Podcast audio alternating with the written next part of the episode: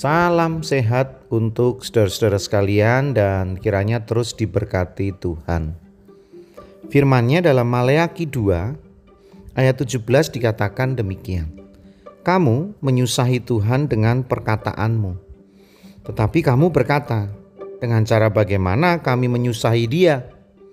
Dengan cara kamu menyangka setiap orang yang berbuat jahat adalah baik di mata Tuhan. Kepada Orang-orang yang demikianlah ia berkenan. Atau jika tidak, di manakah Allah yang menghukum? Maleakhi 2 ayat 17. Beberapa wilayah di Jakarta ini punya julukan yang membuat kita miris, sedih. Ada yang dijuluki kampung narkoba. Waduh. Ada yang dijuluki kampung maling ada yang dijuluki kampung preman atau tempat-tempat tertentu, pasar preman atau terminal preman. Aduh, apalagi itu ya. Jadi rupa-rupanya ada tempat-tempat di mana kita tinggal itu warganya, penghuninya, masyarakatnya membiarkan kriminalitas, kejahatan tumbuh subur di sana. Nah, sehingga stempel atau cap atau julukan itu buat mereka ya jadi maklum biasa aja. Enggak apa-apa mau disebut kampung maling memang kami hidup dari maling. Wilayah itu eh, apa mayoritas maling. Kampung narkoba sama. Karena memang kenyataannya warga masyarakatnya hidup dari narkoba. Dan apa? Masyarakatnya itu saling melindungi, saling menjaga.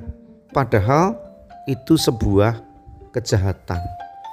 Buat kita yang menjalani hidup dengan baik-baik saja tentu ya miris ya, mengelus dada kok ya ada ya orang dengan uh, happy, dengan tenang dan seakan-akan tidak ada beban tinggal di sebuah kampung yang memiliki julukan sedemikian buruk.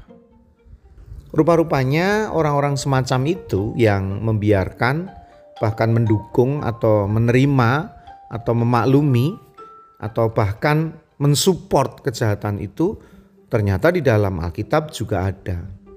Bacaan kita tadi dikatakan di sana bahwa ada orang-orang yang berlaku salah dan dosa.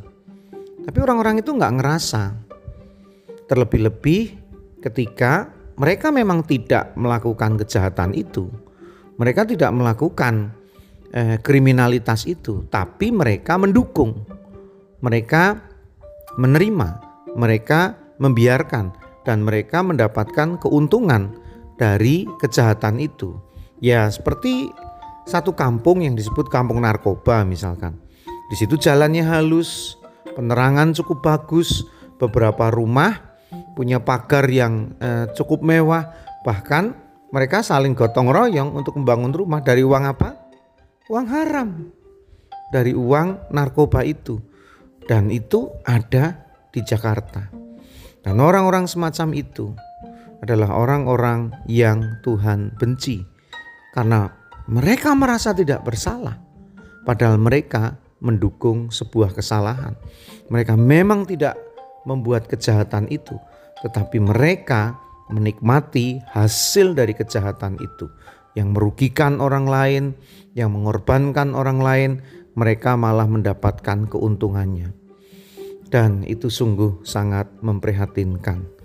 Bagaimana dengan kehidupan kita sehari-hari? Seringkali kita bersikap demikian pada lingkungan kita Makanya ada istilah korupsi berjamaah. Nah, itu kan sungguh memprihatinkan.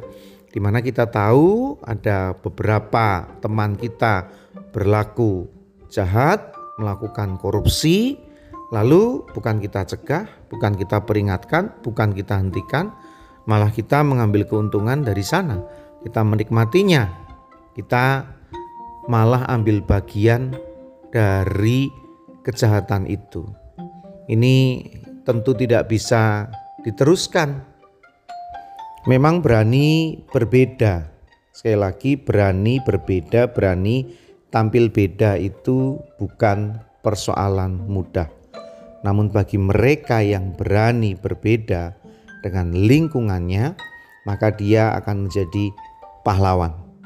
Karena melalui dia dengan berani berbeda itu, dia menghentikan kejahatan, dia menaklukkan kejahatan, dia menghentikan dosa terjadi. Mari kita merenungkannya. Bersama dengan saya, Pendeta Yudi, dalam renungan emas. Esok masih ada solusi.